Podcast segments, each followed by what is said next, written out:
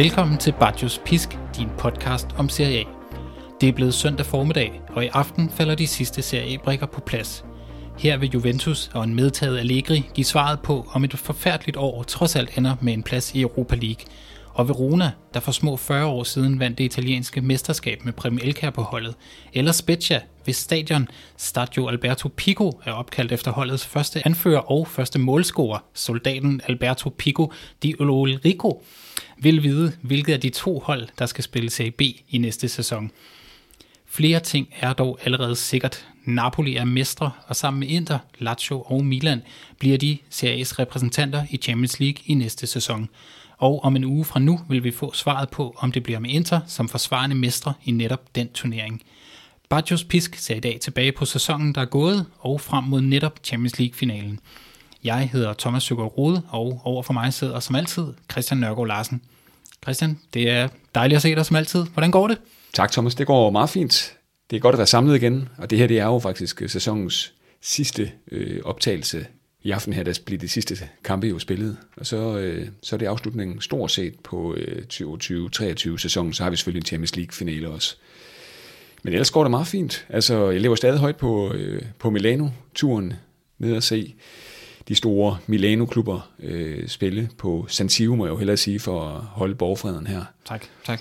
Øh, så at se det, se det opgør det, det, var, det, var, det var episk, synes jeg. Det var det er heller ikke noget, jeg, jeg lægger heller ikke skjul på, at det er den største kamp, jeg har set i mit, øh, i mit liv, 41 år i liv her. Ja, man kan nærmest uh, se det på dig, da vi mødtes her i morges. Du kommer rullende ind med, med sandaler, lædersandalerne, med, med bagstrappen stroppen på, og skjorte, og humøret det er stadig højt. Ja, men det er det, det er det. En ting ærger mig lidt, det var, at jeg var, jeg var en tur ind på Cimitero Monumentale di Milano, og det, det vil jeg virkelig anbefale alle i Milano at, at tage ind og se. Jeg har også en lille ting for sådan nogle kirkegård der. Jeg kan sgu godt lide at besøge kirkegård. Det ved jeg. Og så kan jeg godt lide at finde, øh, finde fodboldspillere. Altså døde fodboldspillere? Døde fodboldspillere. Jeg, var, jeg, jeg, jeg havde en lidt tight øh, tidsplan, og jeg, det lykkedes mig simpelthen ikke. Jeg fik forskellige desinger derinde af alle mulige øh, mennesker, der arbejdede der, men jeg kunne ikke finde det. Øh, jeg, kunne, jeg kunne ikke finde øh, Giuseppe Meazza. Det lykkedes simpelthen ikke. Ej, det havde ellers været smukt. Og så pludselig så øh, fandt jeg ud af, at øh, Tatiana Maldini også er begravet derinde. Okay. Og så, du gik... egentlig selfie? Er det, er det lidt specielt at tage en øh, selfie med, med en gravsten? Ja, nej, jeg havde tænkt mig at tage et billede af det, men, men jeg ved ikke, om jeg sådan var gået stort på, social, på sociale medier fra, fra gravstenen. Det er bare, der er store milanesiske skikkelser begravet det sted der, og så er det bare sådan et pompøst sted med gigantiske marmorfigurer og ridder og det ene med det andet der. Bare lige for at sige, øh, det gjorde altså også stort indtryk, udover selvfølgelig San Siro, eller Giuseppe Miazza, som det jo officielt hedder. Okay, det er lidt måske noget andet end øh, uh, assistenskirkegården, hvor jeg træsker virkelig meget rundt med barnevogn i de her dage.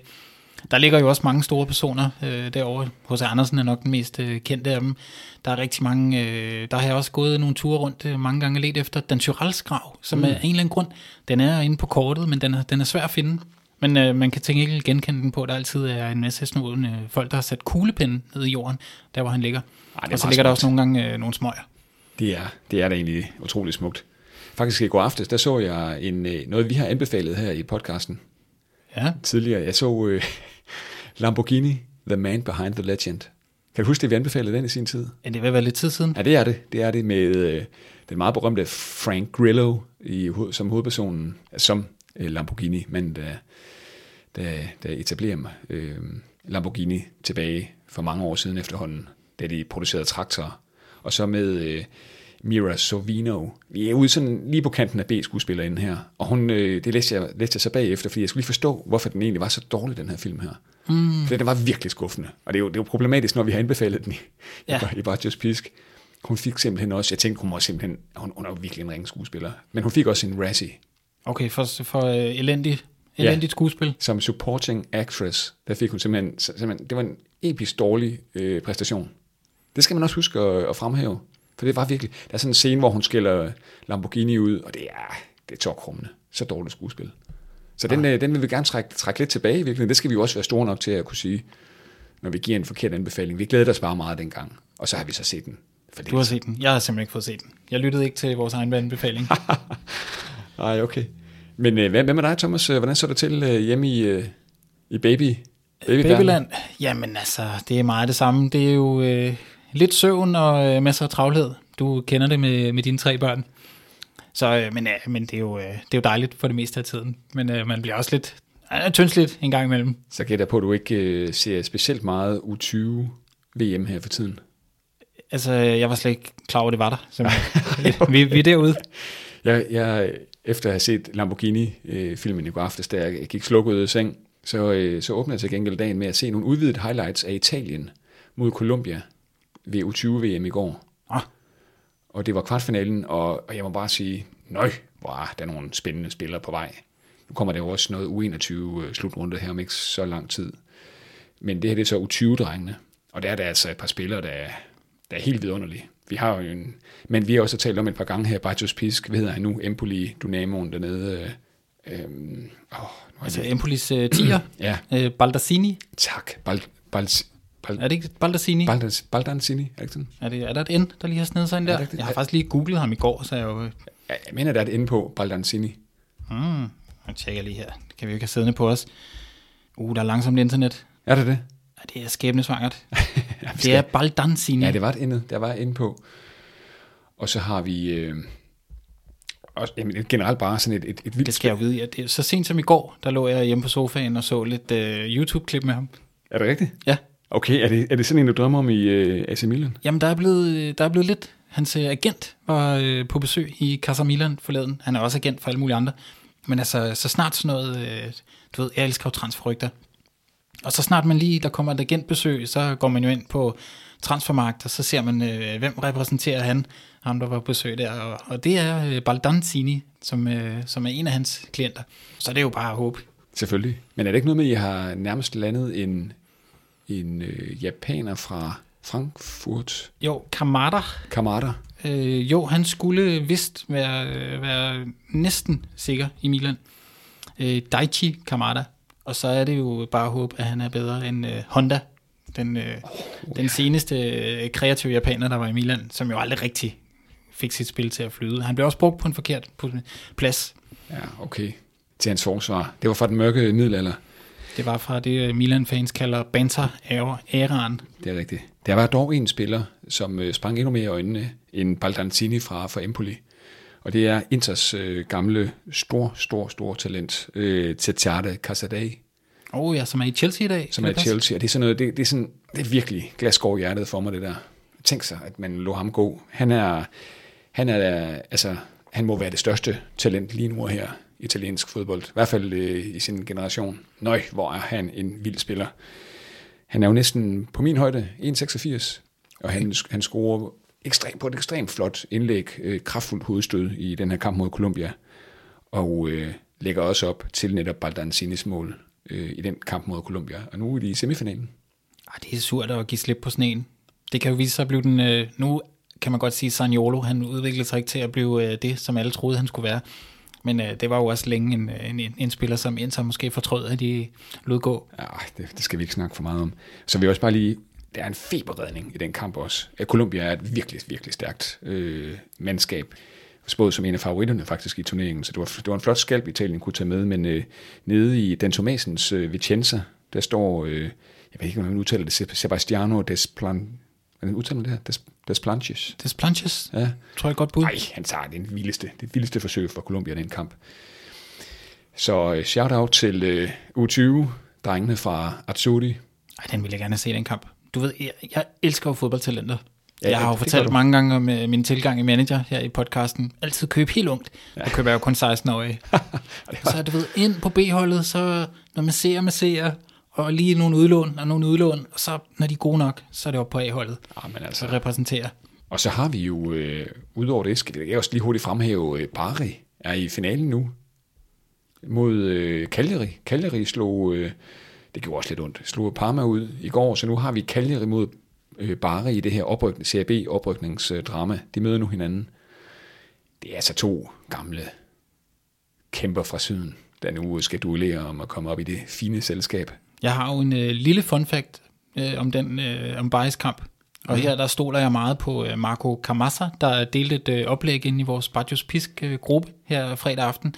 Fordi da Bari øh, spillede sig videre til finalen, så var der lige på øh, plus 52.000 tilhængere på lægterne på den her, det her store, øh, grimme 90'er koloss af et stadion, de har nede i Syditalien. San Nicola. Ja, og det er, øh, det er, det er rekordmange tilskuere til en CB-kamp. Så øh, jeg havde faktisk øh, tænkt mig, at jeg lige skulle øh, nævne øh, bare senere i dag øh, i podcasten, men øh, nu, nu tog vi hul på løjerne lidt tidligt. Kunne det ikke være meget fed rejsedestination? Tage et fly direkte. Jeg tror nu, man kan tage et fly direkte fra, fra København til, til Bari.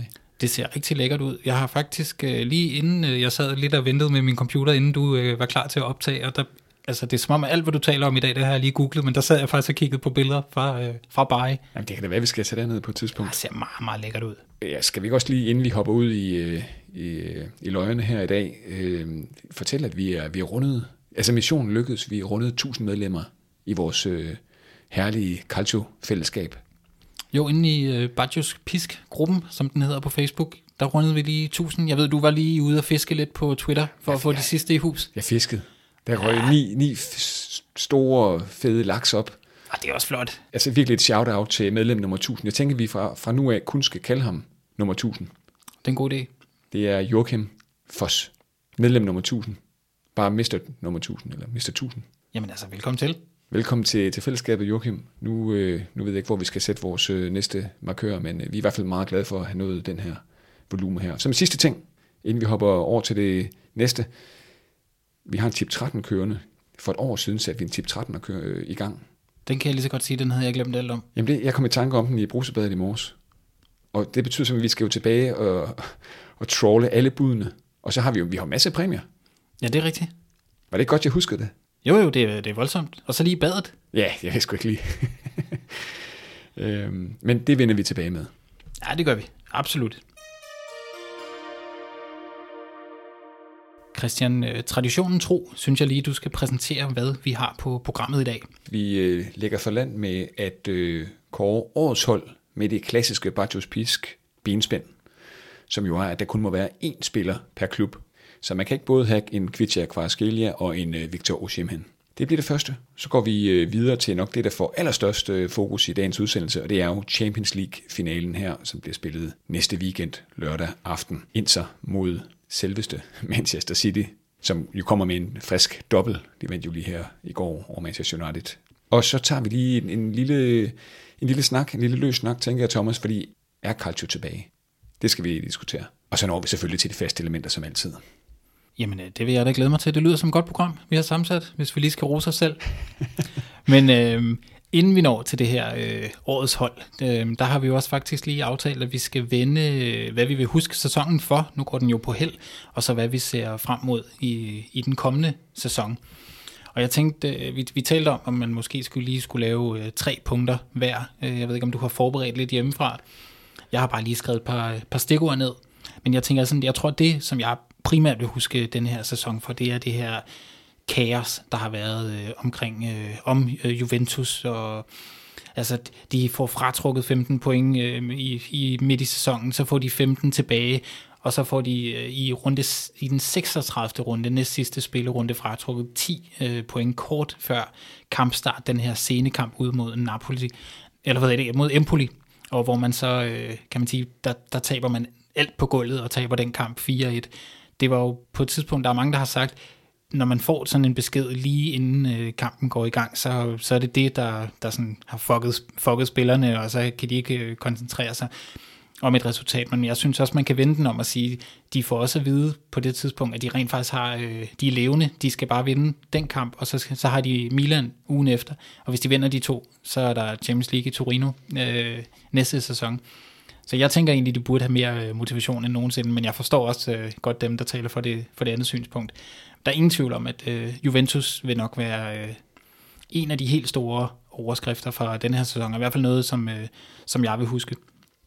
Jamen, det kan man da kun være enig i, sådan set, og det er jo ærgerligt. Og det er jo med til sådan at, hvad kan man sige, sådan en sag her kommer jo til sådan at, at spille lidt ind på sådan det samlede CA-omdømme på en eller anden måde, ikke? Altså, at, at CA, altså, der, og der er jo også mange klichéer om CA, desværre, det, at det er kaotisk og ustruktureret. Noget af det er desværre også sandt jo.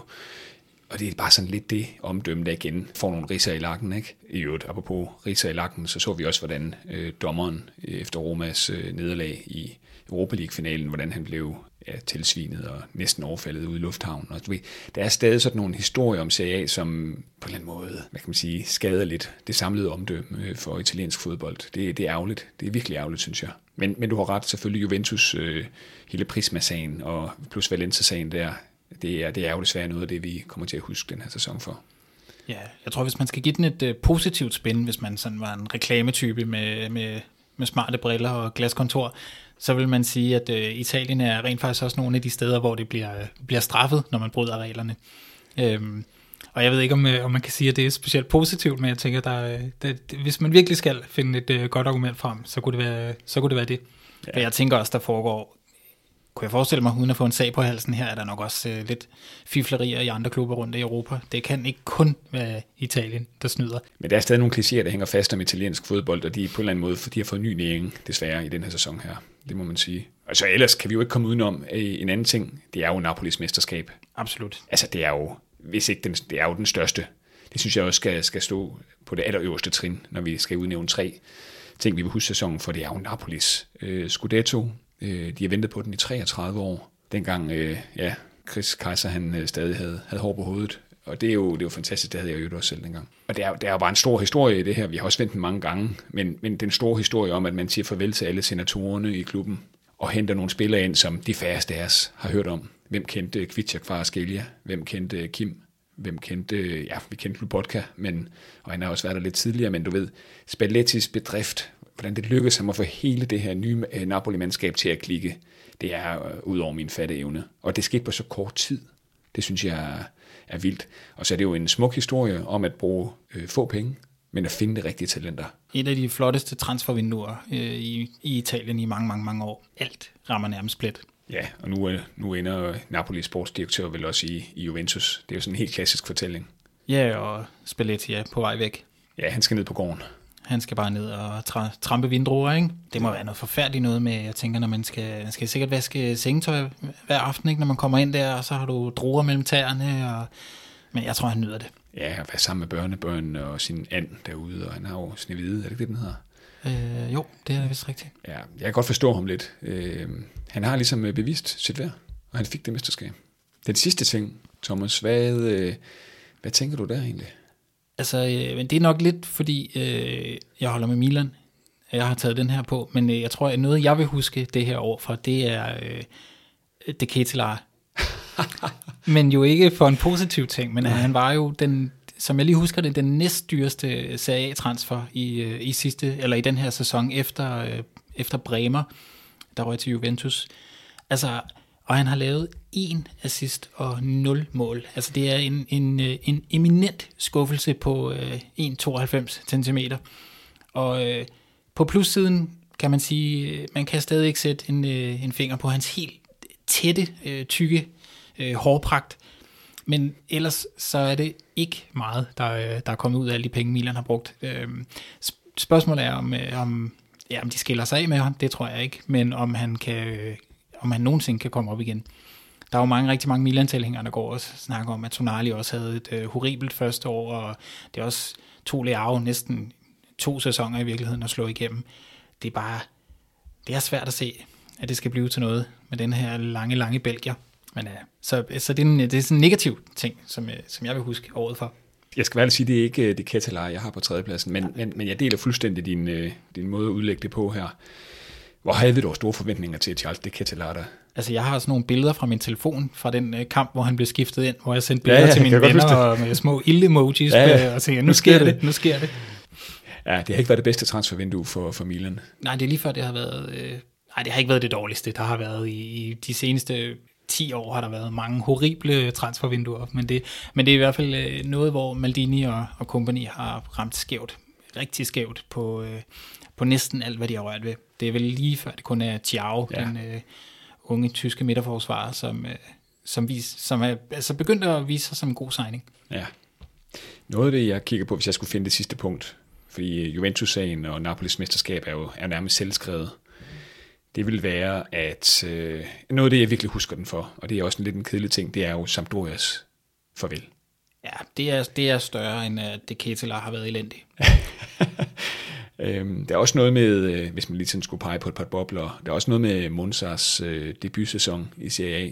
Det lykkedes, og, det lykkedes Galliani og Berlusconi at få deres øh, nye legetøj helt op på, på 10. pladsen. Der er også en, en anden boble, synes jeg egentlig er lidt Thiago Mottas øh, Bologna, der er, kommet, øh, der, der er for alvor er kommet i gang jo. Man grinte jo lidt af hans øh, van, vanvittige formationer. Øh, det skrev han jo en afhandling om, da, inden han blev træner der. Fik vist øh, topkarakter også nede på den der Coverciano, øh, deres øh, skole, trænerskole dernede. Var Pirlo også. Går Pirlo nemlig også, ja. Nu er det tyrkisk fodbold. Ja. Nej, er det ikke noget med, at han lige er blevet fyret, faktisk? Nå, blev han fyret? Ja, det tror jeg. Ah, det er ikke gået som det... Det er ikke gået helt efter planen for Pirlo, det må være sådan. Han får afleveret et rigtig flot speciale, har ja, garanteret, ja, ja. du ved, også øh, printet forside og lamineret den og det hele, ikke? Du ved, alle på holdet har vidst, at, øh, at han leverede, men mm. det gør han så bare ikke på sidelinjen. Nej, altså der er også, der er også Saris uh, Lazio. De sluttede altså på andenpladsen, kan vi jo nu konkludere. Nu vandt de i går. Ja. Skal man lave en top 3, er det så næsten ikke... Øh, er det Sampdoria, mand med pipen? Nej, det er det. Der, det er det altså. Slukker?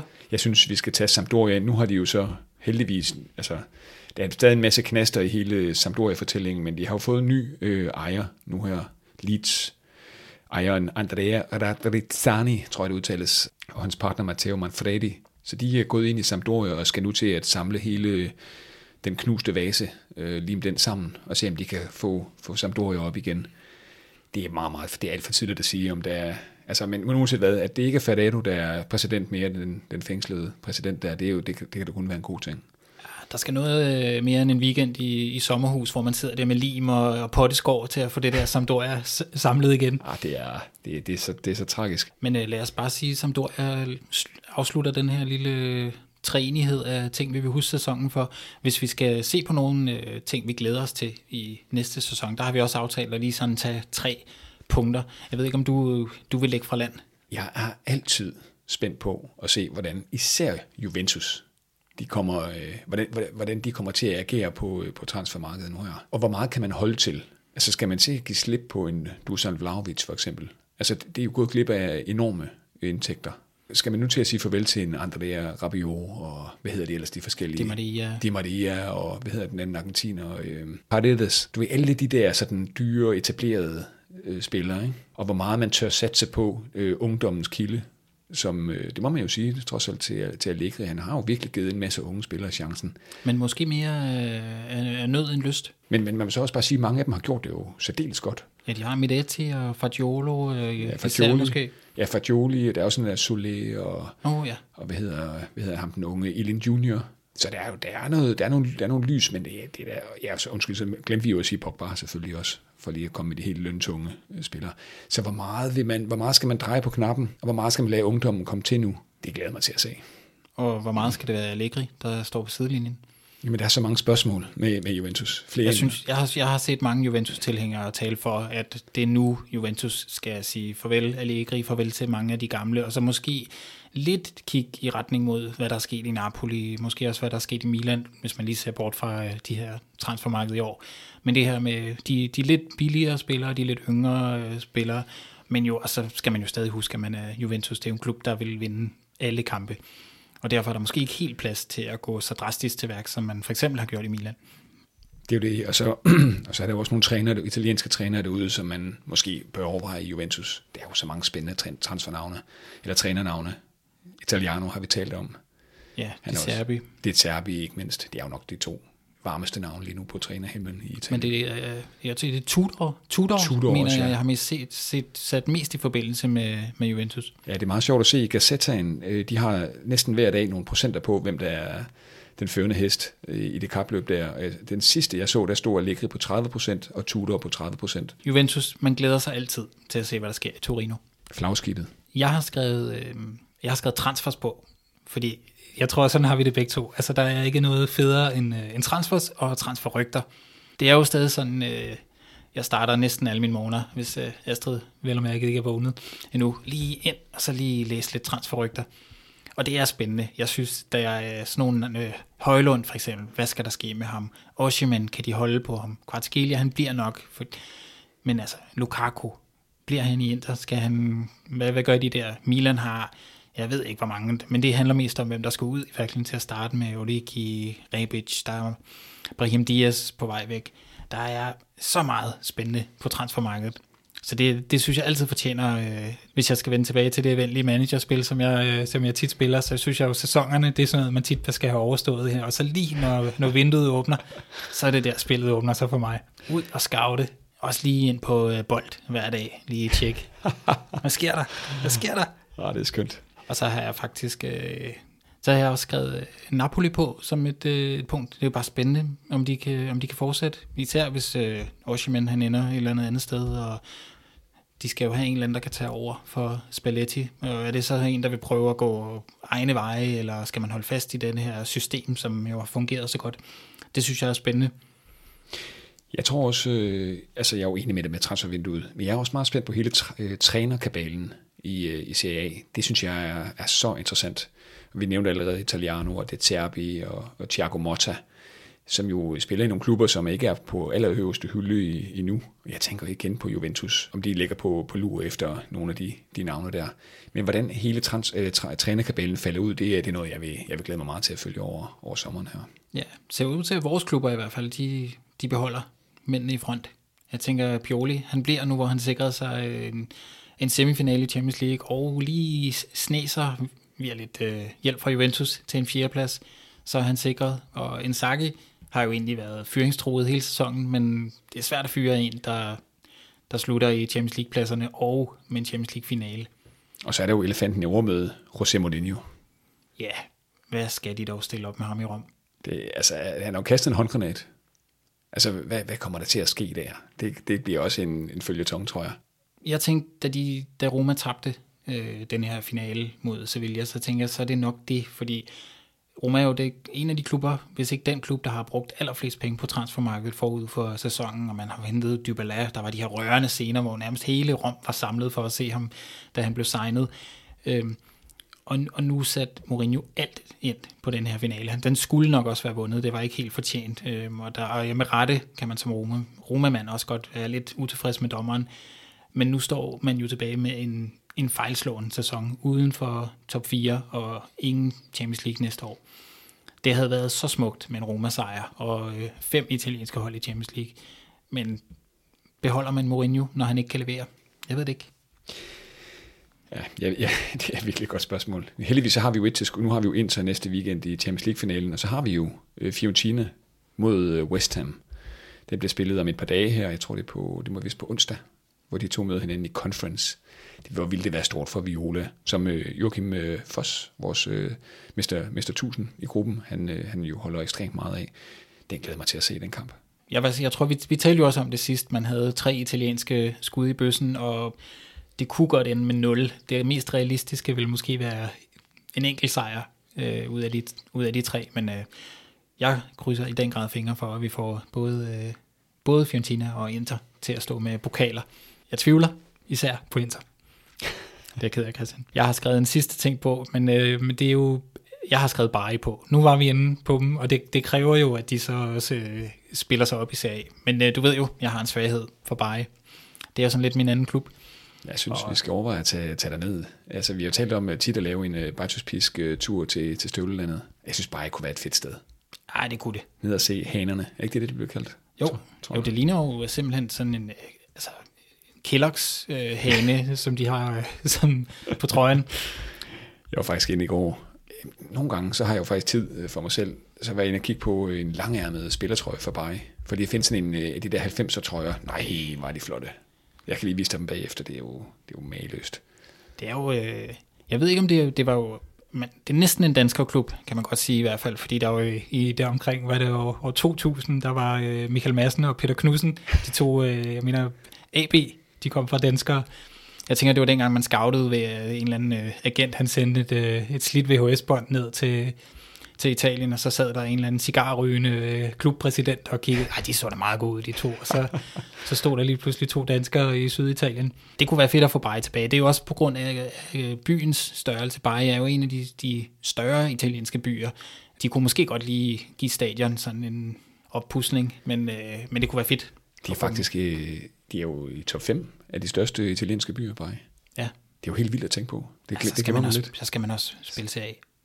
Det skal man. Det skal man 100%. Det er ikke det hold, der har vundet nogen uh, Scudetti, men de har dog øh, vundet CSC, det gjorde de sidste år, og så øh, CAB to gange også, og Mitropa-koppen i 1990, som vi alle sammen husker.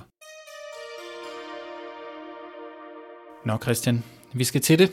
Årets hold skal sættes.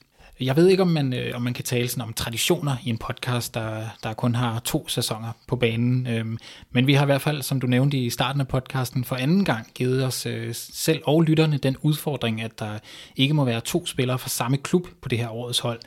Og øh, som du også nævnte, så er der ikke både plads til Kvartskelia og Oshiman. Og allerede der har vi jo lidt af en, en hovedpine. Vi har begge to lavet øh, hvert vores bud på en startelver, og i, i løbet af ugen er der også øh, en del af jer lyttere, der har øh, lavet opslag ind i vores Facebook-gruppe, hvor, hvor I har delt jeres bud på, hvordan man skulle sammensætte sådan et hold. Der er også, Finn Lindstrøm har ligesom sidste gang lavet et rent italiensk hold, og det, er jo, det kan man jo kun tage hatten af for også. Men jeg tænker, Christian, vi, skal, vi har et hold med hver, og så kan vi prøve at diskutere os lidt frem til, øh, hvem der, hvem der fortjener en plads på, på startelveren. Jeg ved ikke, om det kan være dig, der lige holder styr på, øh, på hvem vi hiver ind og ud af holdet. Jo, oh, det vil jeg gerne. Det vil jeg gerne. Skal vi starte på målmandsposten? Det synes jeg. Vi starter bare bagfra, og så øh, bevæger os opad. Jeg, øh, jeg er gået med Polo Vidal øh, på, på målet, og det kan man sige, det er jo det lette valg. Det er næsten det logiske valg. Nu har han også øh, her øh, forleden blevet kåret som øh, sæsonens målmand af øh, CA. Og det, men det er også lidt i lyset af, at, at, at jeg heller ikke synes, det er en oplagt Lazio markspiller øh, til årets hold. Tito Ciro Immobile har jo ikke øh, været den gamle Ciro Immobile med plus 30 mål eller 25 for den sags skyld. Det kan godt divideres en del. Så har du haft en, øh, en sms, som altid, som er god, en Sakani, en Pedro. Men det er alligevel ikke, når vi er i de aller sidste 11, så synes jeg ikke, der er nogen, der, altså af markspillerne, der, der brænder sig helt ind.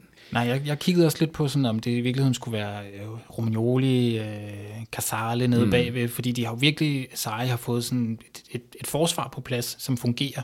Også lidt overraskende i virkeligheden, men det er jo ikke sådan de, de store italienske forsvarsspillernavne, der er dernede. Men øh, vi kommer ikke til at skændes om øh, målmandsposten, for jeg har også den øh, 29-årige Provedel på kassen. Og det er jo lidt, han er jo ikke sådan en målmand, der har sådan en stor målmandskarriere bag sig. Jeg var lige inde og øh, kigge, det er jo sådan noget Perugia, Spezia, Modena, Juve, Stabia, Empoli og Provacelli, den gamle store klub, godt nok, mm. men ikke en, øh, en nuværende stor klub. Så jeg har været så også, ja, Sakanje kunne have været et bud, hvis det ikke skulle være Provedel. Det samme kunne Romagnoli, Casale måske, men jeg, jeg synes også, vi lå så målmandsposten. Ja, må, må jeg lige sige, jeg synes Romagnoli, jo, når vi, nu skal vi også op til forsvaret, han er, jeg synes, det, den, den sæson, han har haft, det er en af de en mest imponerende comeback-sæsoner længe. Altså, han var jo helt ude i kulden i, i, i Milan, og han er jo tidligere anfører og, og Azzurri-spiller øh, og så videre. Altså, altså, altså han er virkelig oplevet et fald, men den måde, han har kæmpet sig tilbage, det synes jeg er, en, er, er alt værd værd. Han har haft nogle hårde Romagnoli, og nu er han øh, fastmand i øh, Sarris forsvar. Og han skulle også bare have en klub, der ikke spillede, ligesom Milan gjorde. Han er jo faktisk en dygtig forsvarsspiller, men, men det passer ikke til Piolis måde at spille fodbold på, at man har en, der ikke kan løbe ekstremt hurtigt. Lad os prøve at se på forsvaret, og, og jeg tror, vi har... Jeg kan se nu, at jeg lige kigge på lytternes uh, input, og jeg vil gætte på, skal vi sætte en fire, uh, firemandskæde? Ja, det synes jeg. Skal vi lave en 4-3-3? Ja, det synes jeg. Okay. Ja, så, mit, mit hold er meget offensivt. Jamen, uh, ja. Der er ingen balance. Jeg tror, nej, Altså, jeg tror, øh, jeg tror, vi har, hvis der er fire forsvarsspillere, så tror jeg, vi har tre af dem. Så tror jeg, vi har tre af de samme. Næsten alle har, øh, har, de har i hvert fald tre øh, forsvarsspillere til fælles, når man lige ender og kigger på holdene, synes jeg. Ja. Den første, jeg satte på, det var Bremer for, for Juventus. Og det udelukker jo allerede resten af Juventus-holdet. Ja, den er tung. Jeg har en anden Juventus-spiller længere frem på banen. Har du det? Ja. Så det er det, vi adskiller os faktisk? Ja, det gør vi. Okay. Okay. Skal vi, ikke lige, skal vi lige lade den uh, simre lidt? Ja, vi kan godt. Altså, Bremer er jo ikke et, et dårligt valg overhovedet. Nej, nej. Nej, jeg kan godt mærke, wow, det, det, det var en pludselig udvikling, det her. Ja, der gik sådan øh, et spøgelse gennem lokalet. Sidder lidt lamslået tilbage. Ja. Skal vi så tage Posh fra, fra Bologna? Absolut. Jeg Han fortjener det. Seks mål er det blevet til. Jeg kan huske ham særligt, fordi jeg købte ham ind på, øh, på mit drømmehold øh, og så scorede han nærmest ikke mere siden. Han havde lige sådan en stime på, jeg ved ikke hvor mange kampe. Det kan jeg faktisk træk, huske. Hvor han øh, kom på tavlen. 29 kampe, 6 mål. Han er, han er selvskrevet, synes jeg. Ja, jamen øh, ham, han, er, han er låst. Så vi har Provedel og, og Posch. Jamen, øh, jeg har valgt en øh, spiller, som jeg ved, du har talt tidligere rigtig meget om i, i Badgers Pisk. Han er en spiller, der bliver øh, og der skal man næsten lige gå ind og øh, google billeder af overkroppen. Han, han er blevet kaldt den, den stærkeste fodboldspiller i verden. Men øh, Baskri Rotto, er det sådan? Det kan godt være, at du lige skal prøve at udtale den. Ja, Baskerotto, Ja, altså et, et brød af en, øh, en forsvarsspiller. Mr. Olympia. 1,92, det samme som De Ketelaar, men jeg tænker i en slåskamp mellem de to. Det er som om, han er lige trådt ned fra Olympen. Altså, han er halv gud og halv strandløv. Ja, trådt ned fra Olympen, bærende på sådan en, øh, en af stolperne på hver sin skulder, ned, ned ad trapperne, som om, øh, som om det var ingenting. Men det er også det, har du set, han har også gået et par mål, Baskerotto for, for, for Lecce, Morten Hjulmands øh, øh, holdkammerat her. Når han scorer, så han, laver han jo den der, hvor han jo løfter, det er som om han løfter et eller andet meget tungt. Det kunne være et par søjler, som du siger. Ja, det er marmorsøjlerne. Det er, det er fantastisk. Og han, øh, han er også på flere af de hold, som øh, lytteren har budt ind med, ved jeg. Godt, så har vi, øh, altså jeg, jeg er meget enig med Baskerotto. Jeg havde ham faktisk sådan lidt i tæt duel med øh, Biraki fra Fiorentina, den gamle Ja. Intermand, og Odogi fra Udinese. Mm. Det er jo sådan to af de der, der også ligger tæt på, synes jeg, men, men, men Baskerotto, også fordi han er, han er, han er, altså jeg har aldrig set en fodboldspiller have så mange muskler før. Nej, han er vel, er det kun øh, Adame Traoré Ja, fra Premier League? De to bare kom løbende i fuld fart mod hinanden. Så spørgsmålet, hvem der, hvem der falder. det er klodernes kamp. Ja, Jeg, jeg sætter mine penge på Baskerotto. ja han er, han, Men mindre han er sådan en morstreng, du ved, der bare fiser, fiser hjem. Altså, der står jo simpelthen på hans øh, Wikipedia, jeg ved ikke, om det er ham selv, der har været inde og redigere den, men der står, altså, han er bredt anerkendt øh, som den, den stærkeste fodboldspiller i verden. Fedt. Adama Traoré, øh, det er trommeseret. Det skal jeg også lige have skrevet ind på min Wikipedia senere. Godt. Posh Baskerotto. Så har jeg, øh, jeg har valgt øh, manden med det måske flotteste italienske navn. Buongiorno. Ja, altså Ja. det er hans tredje sæson, mener jeg, i Torino. Han er 23 år, og jeg vil sige, at det her det har været øh, gennembrudssæsonen for ham. Mm. Meget, meget, meget solid og flot sæson. Jeg ved også, han er på flere brugerhold, så det, du går jo mod vores lyttere, Christian, hvis du prøver at, at være ham ud. Noget af det, der nærmer med Buongiorno. Altså, jeg er ligesom en elefant. Jeg glemmer ikke så Øh, let. det ved jeg. Altså, det var dengang, han, øh, han teatralsk bad om at blive udvist. Så han ikke risikerede at blive udvist til den der nøglekamp, der ventede. Ah ja, Og det er bare sådan, hver eneste gang, jeg tænker på Buongiorno, udover at det betyder godmorgen, så er det det forfærdelige teatralske gule kort, han, øh, han forsøgte at tilkæmpe sig. det er også noget smukt ved, øh, det, er det er jo kynismen i Italien, som vi godt kan lide og, Ja. ja. her i programmet. Ja. Og ja, nu ser jeg bare lige, når man ser, nu nævnte jeg, at Finn Lindstrøm havde lavet et rent italiensk hold, men øh, der er Buongiorno at finde i bagkæden. Det er han også hos øh, Mikkel Ulf, der har lavet øh, der har lavet et hold derinde. Må jeg lige se, Kasper Kok har ham også. Buongiorno også finde på Kian Damsgaards hold. ja. Og Jonas Mannike. Jamen, jeg må bøje mig for majoriteten her. Det er kun øh, Sebastian Wirtz, øh, der ikke har fundet ham øh, værdig. Der er det Scalvini, der tager midterforsvaret der. Altså, altså historien om Scalvini er jo imponerende. Han er jo så lidt spået som den nye øh, Bastoni, og, og mener i statur faktisk også lidt om ham. Jeg synes alligevel også, at han begår en del fejl stadig, Scalvini. Øh, men, men han, har jo, han er jo en af de mest, mest spændende øh, produkter i CA lige nu her. Også fordi han kun er 19 år.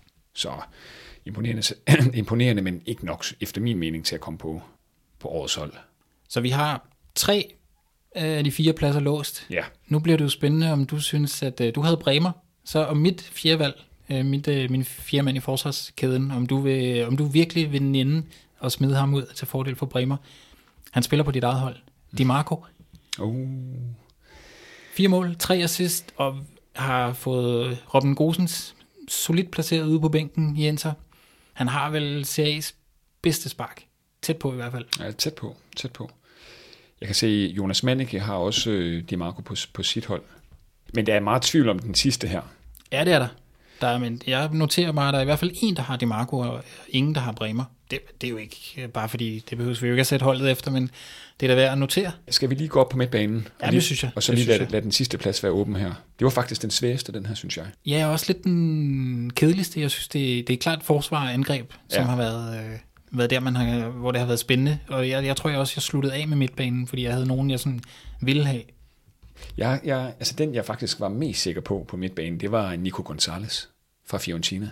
Okay. Og det jo fordi, jeg synes, Fiorentina er jo... Altså, Du er vel også tæt på at være Nico Gonzalez fan. ja, det er jeg altså.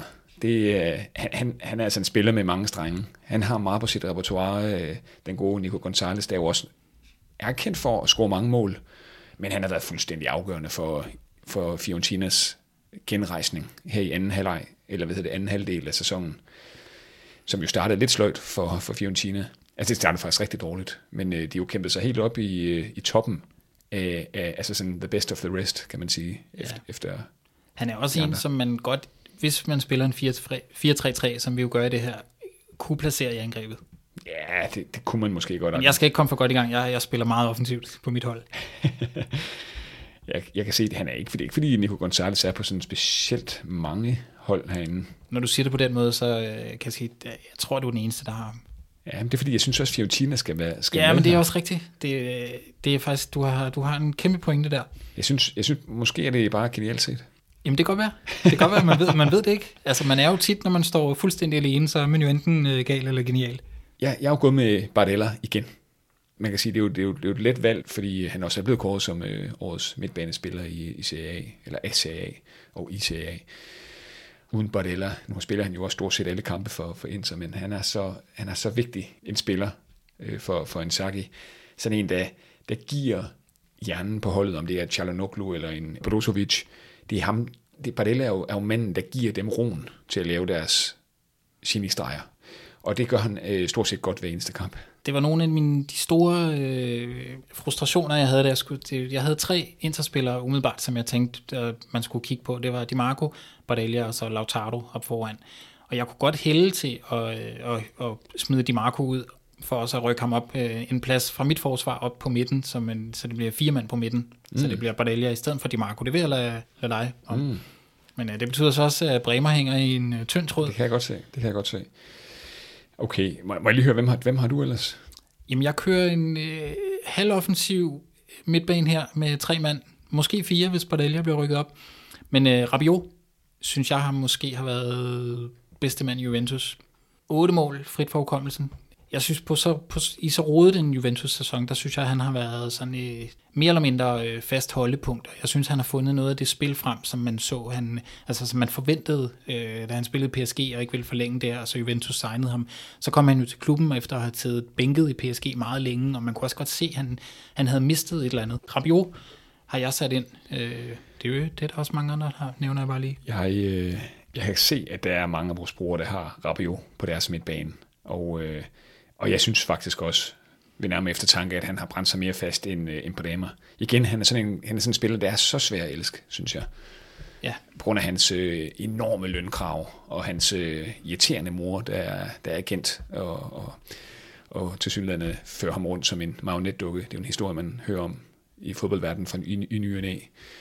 Og, øh, men, men jeg kan godt se det. Han har måske faktisk, som du siger, været den bedste Juventus, men lad os tage ham ind. Den, den er jeg med på, også baseret på brugernes input her. så mister du jo Bremer Ja. i forsvaret. Jamen, det kan jeg godt leve med. Okay. Så har jeg, det her min, min midtbane måske bliver lidt til den offensive side. Jeg har lagt en øh, Dybala på tieren. Mm. Og så øh, min, min tredje mand, det er øh, Koop Miners, Atalanta. Og Koopmeiners. Okay. Også øh, valgt af mange. Og det er jo ikke, fordi jeg lægger pres på dig, når jeg siger det. det jeg bemærker bare, der er mange, der også har Koop Miners. Jeg har, altså jeg kan sige, nu har vi jo så kun øh, Rabiot indtil videre på vores tremands midtbane. Jeg har Fratesi fra Sassuolo. Og, ja, ham og, havde jeg også meget længe, indtil øh, jeg gav den til Berardi oppe i angrebet. Uh. Men jeg kunne godt, øh, det, ja, man kan jo justere. Hvad med, øh, hvad med, nu må vi gå til forhandlingsbordet her. Hvad med, fordi du var også tæt på at tage Bardella før. Ja, meget. Bardella, og så øh, skal jeg virkelig ofre min Gonzales. Ja, et alternativ er jo at smide ham op i, som en af de tre angriber. Jeg synes bare, jeg tænker også sidste gang, der gjorde vi det sådan, at deres position var det samme, som det var i holdet. Mm. På holdet DK, der er han jo midtbanespiller. Okay, okay. Men det vil sige, lige nu er vi jo, øh, er vi jo, ikke, er vi jo lidt havnet i en trebakkæde nu. Det er rigtigt, vi skal have en fjerdemand ind. Men jamen, det, er- det er jo fint at have en trebakkæde. Vi kan jo godt rykke... Det kan vi selvfølgelig også. Det kan Jeg, vi jeg er villig til at låse øh, vores, øh, vores østrigere og to italienere nede i forsvaret. Det er i orden. Det er orden. Det er også en, en flot Porsche, Baschiarotto og Buongiorno. Ja. Det er Bologna. Posh står lidt tilbage med det, med det sløjeste efternavn. Ej, det gør det, det må man sige. Rabiot, Bardella, kan du købe den? Ja, den er låst.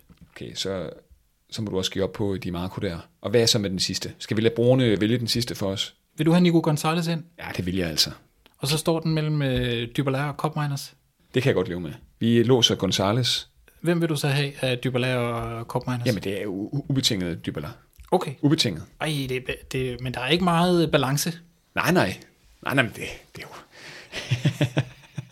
Fratesi, han bliver også siddet fra her. Han er også en, en, en klon nærmest af, af Barella. Ja, det er rigtigt. Så det er Barella, Gonzales, Rabiot og Dybala. Det jeg da egentlig Meget er- pæn midtbane. Vi ender med en 3-4-3. Ja. Nu Så, tror... så skal vi jo øh, op foran. Ja. Og jeg har jo lige mistet Badardi. Har jeg ikke? Jo. Nej, det har du ikke. Nå nej, der er plads. Der er plads, fordi Fratesi ikke kom på holdet alligevel. Skal vi tage den mest oplagte? Det er Osimhen. Hvis der er nogen af Premier League-klubber, der skal handle i Serie så er det ham, man skal give mest for. Måske Leao tæt på, Ja. ja. efter han er forlænget. Ja, det er vel de to største profiler lige nu i Serie de to, som du lige nævnte der. Vi låser selvfølgelig Victor Osimhen. Så bliver det lidt mere interessant. Nu bliver det spændende. Jeg har, øh, jeg har taget Leao på. Det har jeg også. Okay. Så måske ikke så spændende. Nej, men den sidste, der tror jeg, vi er, vi er uenige. Sidste års øh, MVP i Serie Leao, er på os. Osimhen, Leao. Så det er Godt udgangspunkt. godt udgangspunkt. Skal vi lige hurtigt, inden vi låser os på den sidste her, hvad Brune har er gået med. Ja, det synes jeg. De kigger mod, øh, øh, de kigger mod Inter, Lautaro. Det kan vi af gode grunde ikke tage. Nej, der har vi, der har vi gået Badalja-vejen. Lautaro med, hvad er det, 21 mål. Ja. Nummer to på topscore-listen. Ja. Han, han fortjener helt klart at blive nævnt. Kasper Kok, han, øh, han er på Berardi. Det er jeg jo også. Og det samme er Kian Damsgaard.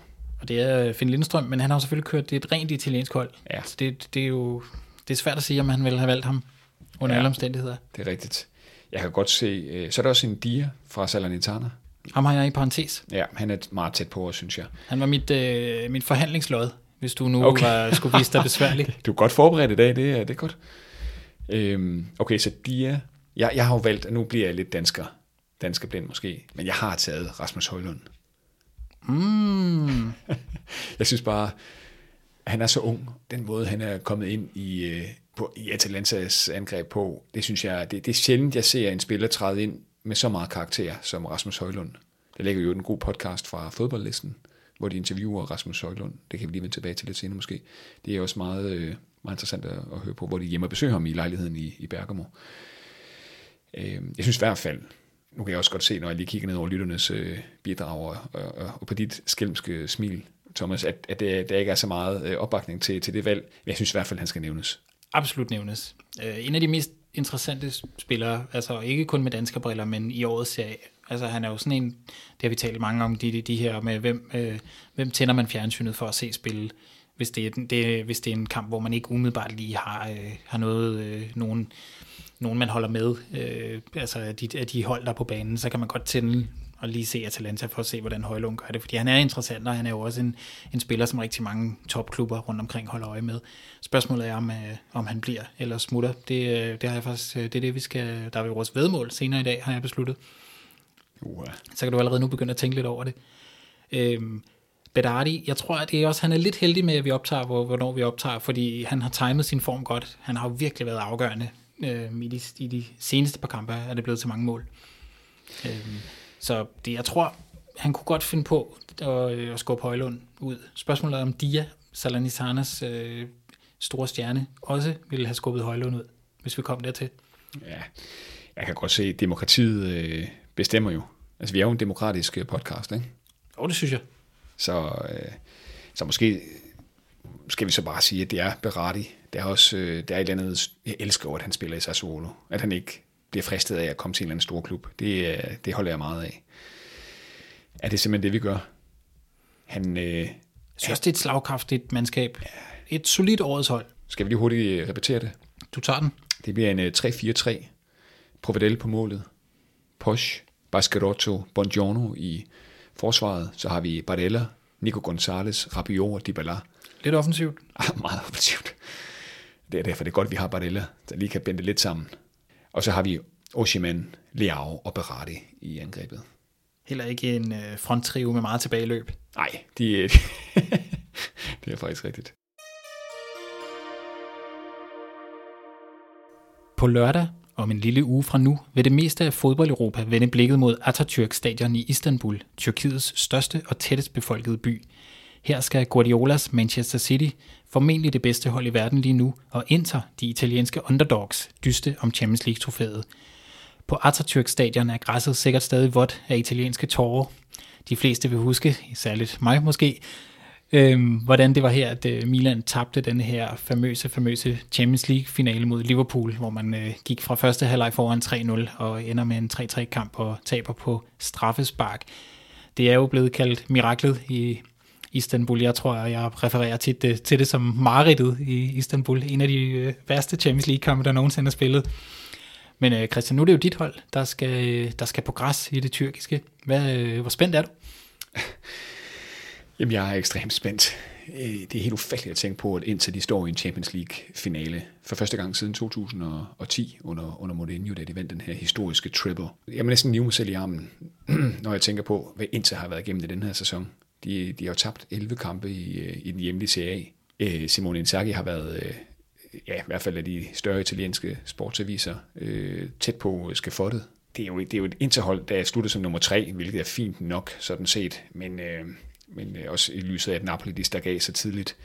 Samlet set, altså, altså i ligaen har det jo ikke været, været, været altså det har ikke været en kæmpe sæson for Inter. De, de, har, de har klaret minimumskottet, men de har så også vundet øh, Coppa Italia, hvor Inter plejer at gøre en god figur. Det er jo helt vildt, at de nu står i en finale i verdens største klubturnering. Modstanden er jo, er jo voldsom. Det er jo øh, Manchester City, der, der, der står der. Nu vandt de også Manchester City her i talende stund, så vandt de jo i går FA, FA Cup'en med 2-1 over Manchester United. Så de kommer jo ind med, øh, med, ja, med, med skabet fyldt med, med, med pokaler. Tror du sådan en som, at Serbi han får sovet sådan i løbet af den her uge, når han ligger og tænker på øh, at skulle spille mod verdens måske bedste afslutter lige i øjeblikket? Tænk sig, at, øh, at Serbi han skal stå for en uh, Holland lige om et par dage her. Omvendt kan man sige, altså det er jo et intermandskab, som øh, jamen det er, de kan jo spille fuldstændigt uden pres. De har vundet Coppa Italia og de er i en Champions League-finale. Og Manchester City er så store favoritter. Taber de den finale her, jamen, så er det okay. Altså, det, det, det er jo ikke, det, sæsonen står ikke og vipper med, med, med den her finale for Inter, den er afgjort. Jeg tror næsten også, hvis man inden sæsonen havde øh, sagt til øh, Milan og Inter, hør her, hvordan vil I egentlig have det med at slutte i en Champions League semifinale og en Champions League finale? I, I vinder det ikke, men øh, det er så langt de kommer, så havde de da i den grad taget den. Jamen altså, det er så stor en sensation, øh, at Inter er i finalen, at øh, altså, det, det er noget større, end, end dengang det stod i Champions League-finalen i, i 2010. Jeg vil lige ind og kigge lidt på, øh, på, på det gamle intermandskab under Mourinho for den gang. Oh, historiebøgerne. Og det var jo, øh, ja, og det er altså stor forskel på de to intermandskaber. Inter dengang kom jo med den næststærkeste steamer af mesterskaber i Calcions historie. Fem Scudetti, og stod så over for Bayern München i øh, Champions League-finalen. Og det var jo sådan en stime af mesterskaber, der kom efter Calciopoli-skandalen, hvor Juventus rykkede, øh, rykkede ud af Serie A og måtte sige farvel til alle de store spillere. Øh, der var også flere, der blev tilbage. Mange af de store, der blev tilbage.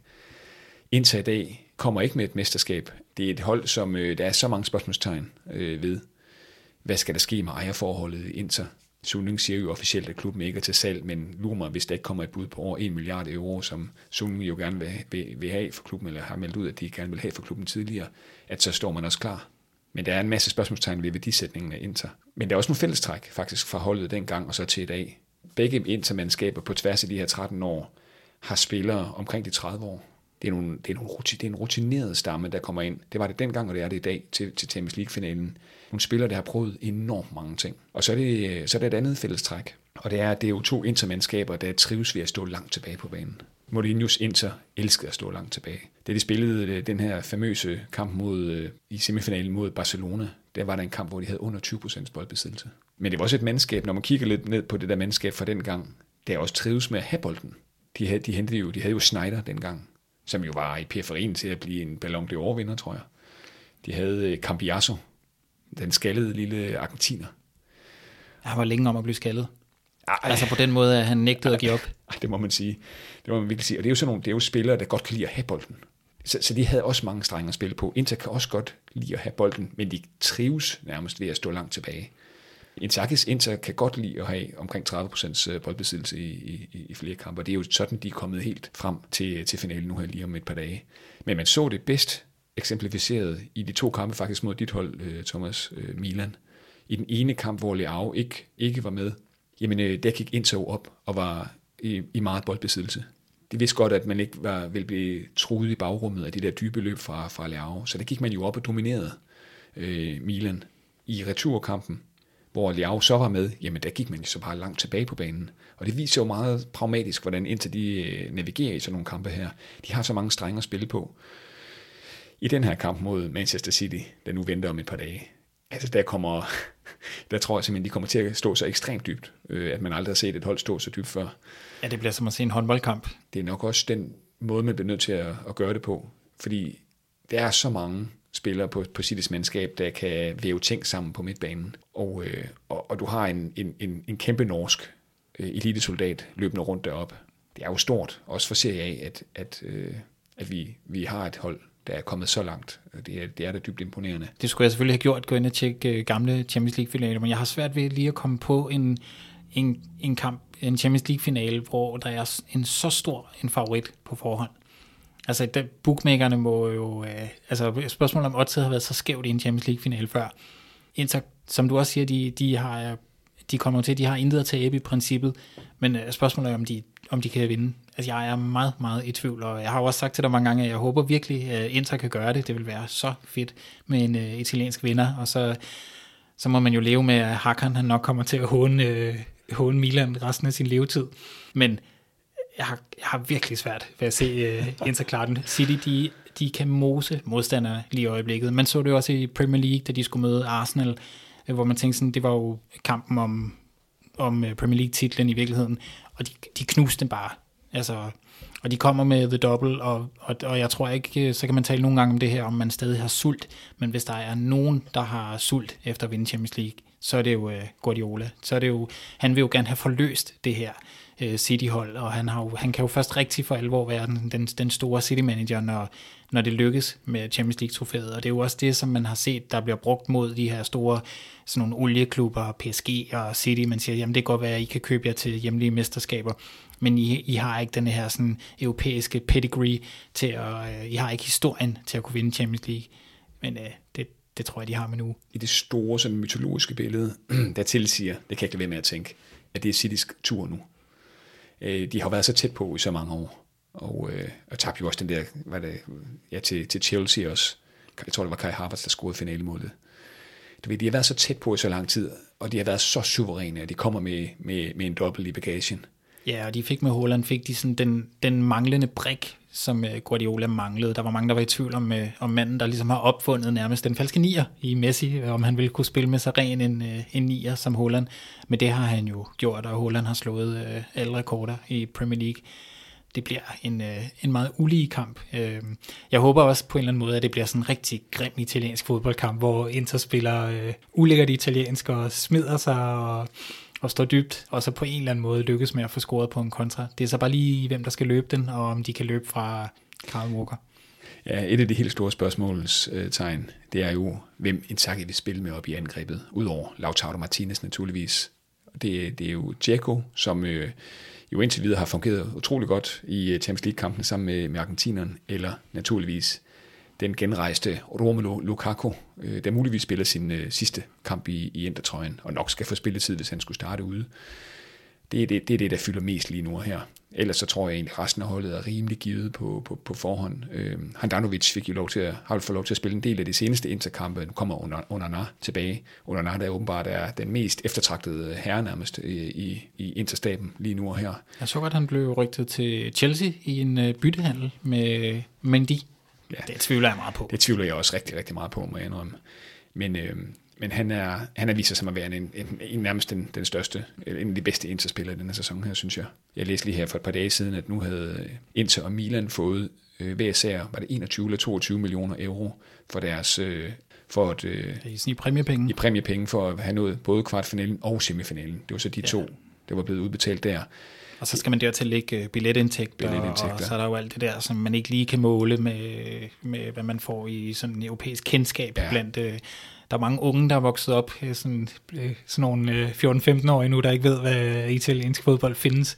Og nu får de, nu får de måske nogle forbilleder i, i Inter og Milan og også i Napoli, som jo også gjorde det rigtig pænt europæisk. At de her præmiepenge, som Inter også har fået her, de er så vigtige i forhold til at kunne fastholde spillere. Man har jo set, at man har forlænget med Hakan Çalhanoğlu og med, med Bastoni også her senest. Men det gør også bare, altså det er jo gode ting sådan set, men det er også bare med til at understrege, hvor, hvor skrøbelig en model det er. Tænker så, hvis, hvis Inter ikke havde var nået så langt i Champions League, havde det så overhovedet været i stand til at forlænge med sådan nogle nøglespillere. Nu har Leao ja. forlænget i Milan. Var det sket, hvis, øh, hvis de ikke havde fået fjerdepladsen? Det er en svær balance, men, men for Inter har det, har det haft en konkret betydning. Man kan forlænge med nogle nøglespillere, og måske undgå at skære for dybt, fordi Inter er jo stadig totalt økonomisk underdrejet jo på grund af Suning Group, der er jo blevet ramt så hårdt under finans, eller hvad hedder det, corona og finanskrisen for den sags skyld. Hvor skal du se den hen, Thomas? Vi står jo gerne op ved femtiden lige i øjeblikket, så spørgsmålet er, om, øh, om, om jeg ligger under dynen på det tidspunkt. Jeg kunne ikke lade være med at spørge. Ja, jeg må finde ud af det. Jeg må finde ud af det. Der er jo også, øh, jeg er jo også en stor real-life person. Det kan jo være, at jeg bare lukker ned for alle øh, sociale medier, og så øh, ser den, når jeg vågner. Inden vi når til de faste elementer, og dermed også afslutningen på dagens podcast, der skal vi lige runde en enkelt ting. Lyt med en gang.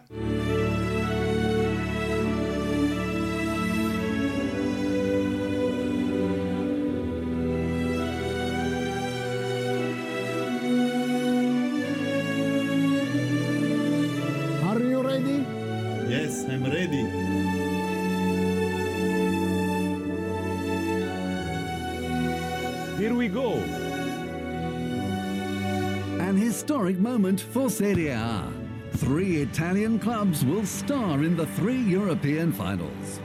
Inter in the Champions League, Roma in the Europa League, Fiorentina in the Conference League.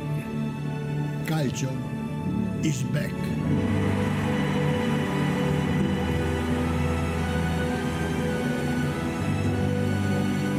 The best in Europe. This is Serie A.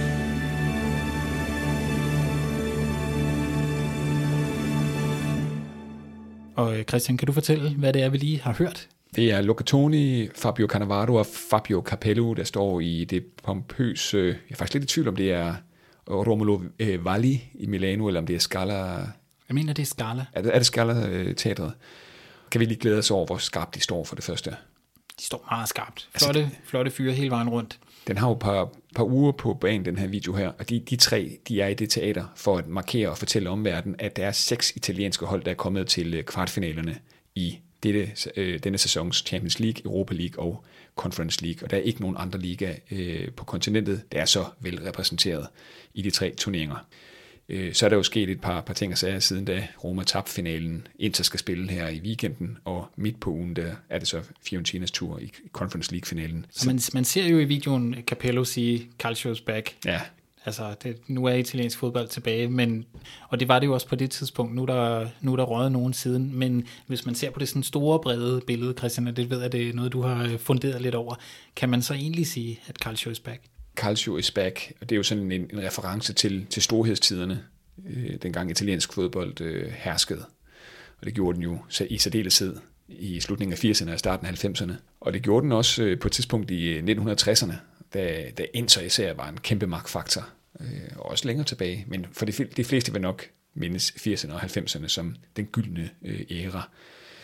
Og, og jeg tror godt, vi kan sætte to streger under, at, at øh, hvis, hvis, det, hvis det er det, det sammenlignes med, så er Calcio på et helt andet niveau i dag, end det var dengang. Og vi nævnte det lidt tidligere i podcasten også. Der er så mange ting stadig med italiensk fodbold, som er problematisk. Økonomien for det første.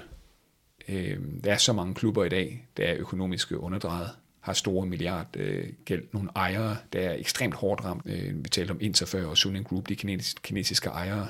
Der er så mange italienske klubber, der, der lider økonomisk. Men hvis vi ser tingene i et vakuum, så er det jo selvfølgelig ret. Og det er jo, at, at, at, at det italienske hold er meget velrepræsenteret i årets turneringer. Men hvis vi lige kigger i det store billede, så, øh, så synes jeg, man skal, så synes jeg, det er svært at, at retfærdiggøre at sige, at, at Calcio is back. Det skal, der skal noget mere til. Marotta, Inters øh, øh, direktør, som udtaler om, der er så brug for en revolution i Serie A. Det er stadig et, et brand, som er for løst sammensat. TV-rettighederne er, betyder desværre, at indtægterne er for lave. Premier League er der. De suger alle de bedste. De kan lokke med, større, med langt større lønninger. La Liga øh, er også ved at nævne i den sammenhæng. Man kan sige, at den konkurrence, der er i dag for Serie A, er en helt anden end den, de, de havde dengang. hvis vi bare tager engelsk fodbold, så stod de jo midt i deres øh, mørke 80 år med, med hooligans og med den ene stadionulykke efter den anden nærmest. Det var et miljø, som gjorde, at, at man kunne brænde sit navn endnu mere fast. Det kan man ikke på samme måde i dag. Modstanden i dag for CA er så enorm. Og især, man kan sige, det bedste eksempel er nok de her stadioner, hvor mange klubber, der ikke ejer deres eget stadion og kan generere indtægter derigennem. Ja, jeg tænker, hvis man skal se sluttelsen på en øh, positiv, øh, hvis man skal se, nu er vi igen øh, reklamemanden og øh, glaskontoret og de skarpe briller, og prøve at have et positivt spin på det, så tror jeg, at mange klubber, der har fået øh, amerikanske ejere, det er nogle amerikanere, der kommer ind måske med lidt nyt øh, syn på den, den her lidt øh, falerede liga, som det jo har været i mange år. Og jeg tror sådan, udover at de selvfølgelig konkurrerer via hver deres Serie A-hold, så har de også en fælles mission om at, om at løfte øh, italiensk fodbold tilbage. Det, der går, hvis det nogensinde sker, øh, mange år, før man, før man kommer op i nærheden af Premier League. Men... Øh, men jeg tror, missionen er der, og jeg tror også, de taler meget sammen, amerikanerne, om, hvordan det er, de skal gøre det her. Så øh, håbet er lysegrønt. Ja, utvivlsomt. Der var, der var et godt interview med Maldini for ikke så lang tid siden i The Athletic, hvor Maldini, altså Milans tekniske direktør, siger, at det, det frustrerer ham. Det her med, at vi at, at CA er så, hvad kan man sige, så tilbageskuende på en måde, at man lever for højt på historien. Det der med, at man på den ene side skal bygge nye moderne stadioner for at generere flere penge, og at man ikke gør det i større stil i italiensk fodbold, det frustrerer ham. Fordi at det er, det er det, der skal til, hvis CA skal øh, op på det næste trin, og at kunne duellere mere på den store europæiske scene med Premier League eller Liga osv. Og det er jo bare, det er jo det, der er hele spørgsmålet. Hvor meget vil man blive i historien og nostalgien, eller hvor meget vil man have fremmede ejere ind, øh, eller udenlandske kapitalfonde, eller hvad det nu er, og bygge nye stadioner, som så også mister noget ånd og sjæl. Mm. Det er jo der, det hele står. Ja, og der er meget, meget, der taler, tænker jeg i hvert fald, for at hvis, hvis det ligesom skal lykkes at øh, vente, så skal Italien også have en slutrunde. Fordi det er jo typisk det, man ser med, med det, det der sætter gang i infrastruktur, øh, investeringer, nye stadioner eller gamle stadioner, der ligesom får, bliver shined op. Man så det meget med, med Tyskland, da, da Tyskland fik en slutrunde, så lige pludselig så, så kom der bare styr på alt det, der skal være udenom fodbolden. Ikke? Der, øh, det handler jo også om øh, bedre parkeringsforhold og bedre... Øh, øh, altså selv toiletforhold, man har jo nu, jeg ved ikke, for dem, der har besøgt øh, San Siro, så er det i hvert fald ikke et sted, man lige har lyst til at sætte sig ind på øh, toilettet med avisen og, og nyde, nyde tiden. Det handler bare om, øh, det er en oplevelse, der skal overstås. Så det, det, det, er, jo, det er jo helt en kæmpe stor ting, der skal, der skal til, før det bliver vendt. Man kan godt gøre det i det, i det små, øh, og langsomt bygge op, men, men der er intet, der sætter gang i, i skub i tingene som en slutrunde. Det er, det er en rigtig god pointe, Thomas, det der. Og øh, men, men det er altså også bare, det er også det der med, kan det egentlig ikke lykkes at gå at lave en gylden mellemvej, hvor du både respekterer historien, kulturen, øh, og alt det, som Calcio har stået for og lever i, i vores hjerter, hvis vi skal være så sentimentale. Øh, men det er jo rigtigt, samtidig med, at man åbner for nye øh, muligheder. Man har brugt for mange år på at afklare det her spørgsmål her. Noget, der jo er interessant, det er, at øh, de CA-klubber, øh, der er kommet meget langt i de europæiske turneringer i år, de er ejet af, øh, af udlændinge. Så, så man kan sige, at det er jo en udvikling i gang, men, men de der stadioner der, de lader godt nok vente på sig. Jeg så en opgørelse her for ikke så lang tid siden, altså hvor, hvor der blev opført stadioner på hele det europæiske kontinent, i det ene land efter det andet, jamen der halter Italien så meget bagefter, på grund af byråkrati og lovgivning og alle mulige knaster i, øh, i, ja, netop i lovgivningen, som gør, at det trækker ud, og vi har, bare, vi har også set det med vores store stadion i, øh, i Milano, Altså, hvor, hvor, hvor, hvor, hvor mange år er der ikke blevet talt om det stadion? Ja, hvad det, der har ligget øh, to færdigtegnede øh, modeller, som blev lavet for, øh, jeg ved ikke om det er 5-6 år siden, hvor man tænker, nu skal de bare vælge, hvad de, hvilket firma de vil køre med, og så, så er det bare at gå i gang, og der er jo ikke sket noget siden. Nej. Det, og det, det er helt klart noget, der har frustreret de ejere, der gerne vil konkurrere med Premier League, for det, det kan man ikke, hvis, øh, hvis sådan, kommunen øh, nupper øh, langt størstedelen af ens øh, entréindtægter, og man skal betale store lejesummer hvert år. Altså, det er bare uholdbart. Men det er jo også årsagen til, hvis vi bare lige kan runde det til sidst her, tror jeg, at, at der er mange investeringsfonde og større øh, globale virksomheder, der kigger sulten mod CA, fordi de ser det potentiale, der er. De ser den historie og den nostalgi og den betydning, det er for det italienske samfund. Fodbolden er bare større i Italien end nogen andre steder i verden. Måske lige på med undtagelse af et par steder i Sydamerika. De ser jo det potentiale, der er. Og hvis man kan forene sig i CA langt mere, end man gør i dag, jamen så er, så er det også meget højere op i elevatoren, øh, end der er i nogle andre ligaer, tror jeg. Så det er jo det potentiale, de kigger på. Vi er ved at være ved vejs ende i dagens øh, podcast, men øh, inden da skal vi naturligvis lige runde de tre faste elementer, som vi altid slutter af med. Det er en anbefaling til jer lyttere, det er det eventlige vedemål, og så er det kåringen af Bajos Pisk. Øhm, jeg har faktisk taget en lille øh, anbefaling med den her gang, Christian, og du fik den faktisk øh, nævnt tidligere i podcasten, så det er ikke en kæmpe overraskelse. Men øh, fodboldlisten, den her DR-podcast med øh, Thomas Loft som øh, vært, der er og øh, Andreas Kravl og Francis Dico, de er taget til Italien denne her gang, og øhm, der mødes de med i Bergamo med Rasmus Højlund, øh, som de taler med. Jeg har set et øh, lille klip dernede fra, hvor de sidder på sådan et øh, tag i Bergamo og kigger ud over den her fantastiske smukke by. Øhm, og så laver de også i programmet en uh, top 11 over de bedste danskere i italiensk fodbold efter 1980. Så øh, altså, den podcast er jo nærmest lavet til os to. Der er både noget med det nye serie og øh, Rasmus Højlund, som du forsøgte at tale ind på årets hold. Og så er der, øh, så er der et, øh, en, en startelver fra, øh, fra siden 80'erne. Det er, jo, det er jo et program, man meget gerne vil høre. Så, øh, så en kæmpe anbefaling herfra. Meget enig, meget enig. Og øh, jeg vil sige, der er også nogen på den øh, øh, liste der, og husk lige, det, det er tilbage til 1980, som jeg ikke kendte. Øh, det må jeg simpelthen indrømme. Så det, det kan være lidt en cliffhanger. Øh, der, var, der var altså nogle spillere der i øh, lidt tilbage i tiden, altså i 80'erne, som virkelig, virkelig var gode. Det er hverken øh, Berggren eller, eller Elkær, men som helt berettiget har snedet sig ind på den her liste i fodboldlisten. Så, så det var en lille cliffhanger. Ind og lyt. Vi skal også have vendt vores øh, vedmål. Christian, du vandt sidste gang. Vi ved jo om, øh, om hvorvidt Inter eller Milan vil spille sig i øh, Champions League-finalen. Og selvom vi begge to nok mente, eller var, var ret sikre på, at det var Inter, så fik du lov at, øh, at trække det, da det var øh, dit eget hold. Så øh, tillykke med Sampdoria-koppen. Den får du lov til at tage tak, med hjem. Tak skal du have. Tak, så nu skal vi hjem, skal vi hjem til, til farmand her. Og så tænker jeg for at binde en lille fin sløjfe på, øh, på en mand, der er blevet nævnt mange gange i podcasten i dag, Højlund. Jeg tænker, om vi vedmålet til næste gang, øh, det er, øh, er han stadig i Atalanta, når vi optager næste gang. Mm. Og det gør vi jo en gang, når lige inden sæsonen går i gang, håber jeg på, at vi finder tid til. Ja, plus at der kommer formentlig også en, en manager special, kunne jeg forestille mig. Godt spørgsmål, Thomas. Øh, om han bliver i Atalanta? Ja, eller kommer der et bud, de ikke kan sige nej til? Der jo senest har øh, United været meldt interesseret. Mm. Ja. Du får lov at, at save, så tager jeg det, du ikke tager. Jeg er faktisk lidt i tvivl om det her. Jamen, øh, så siger jeg, at han skifter. Uff. Ja.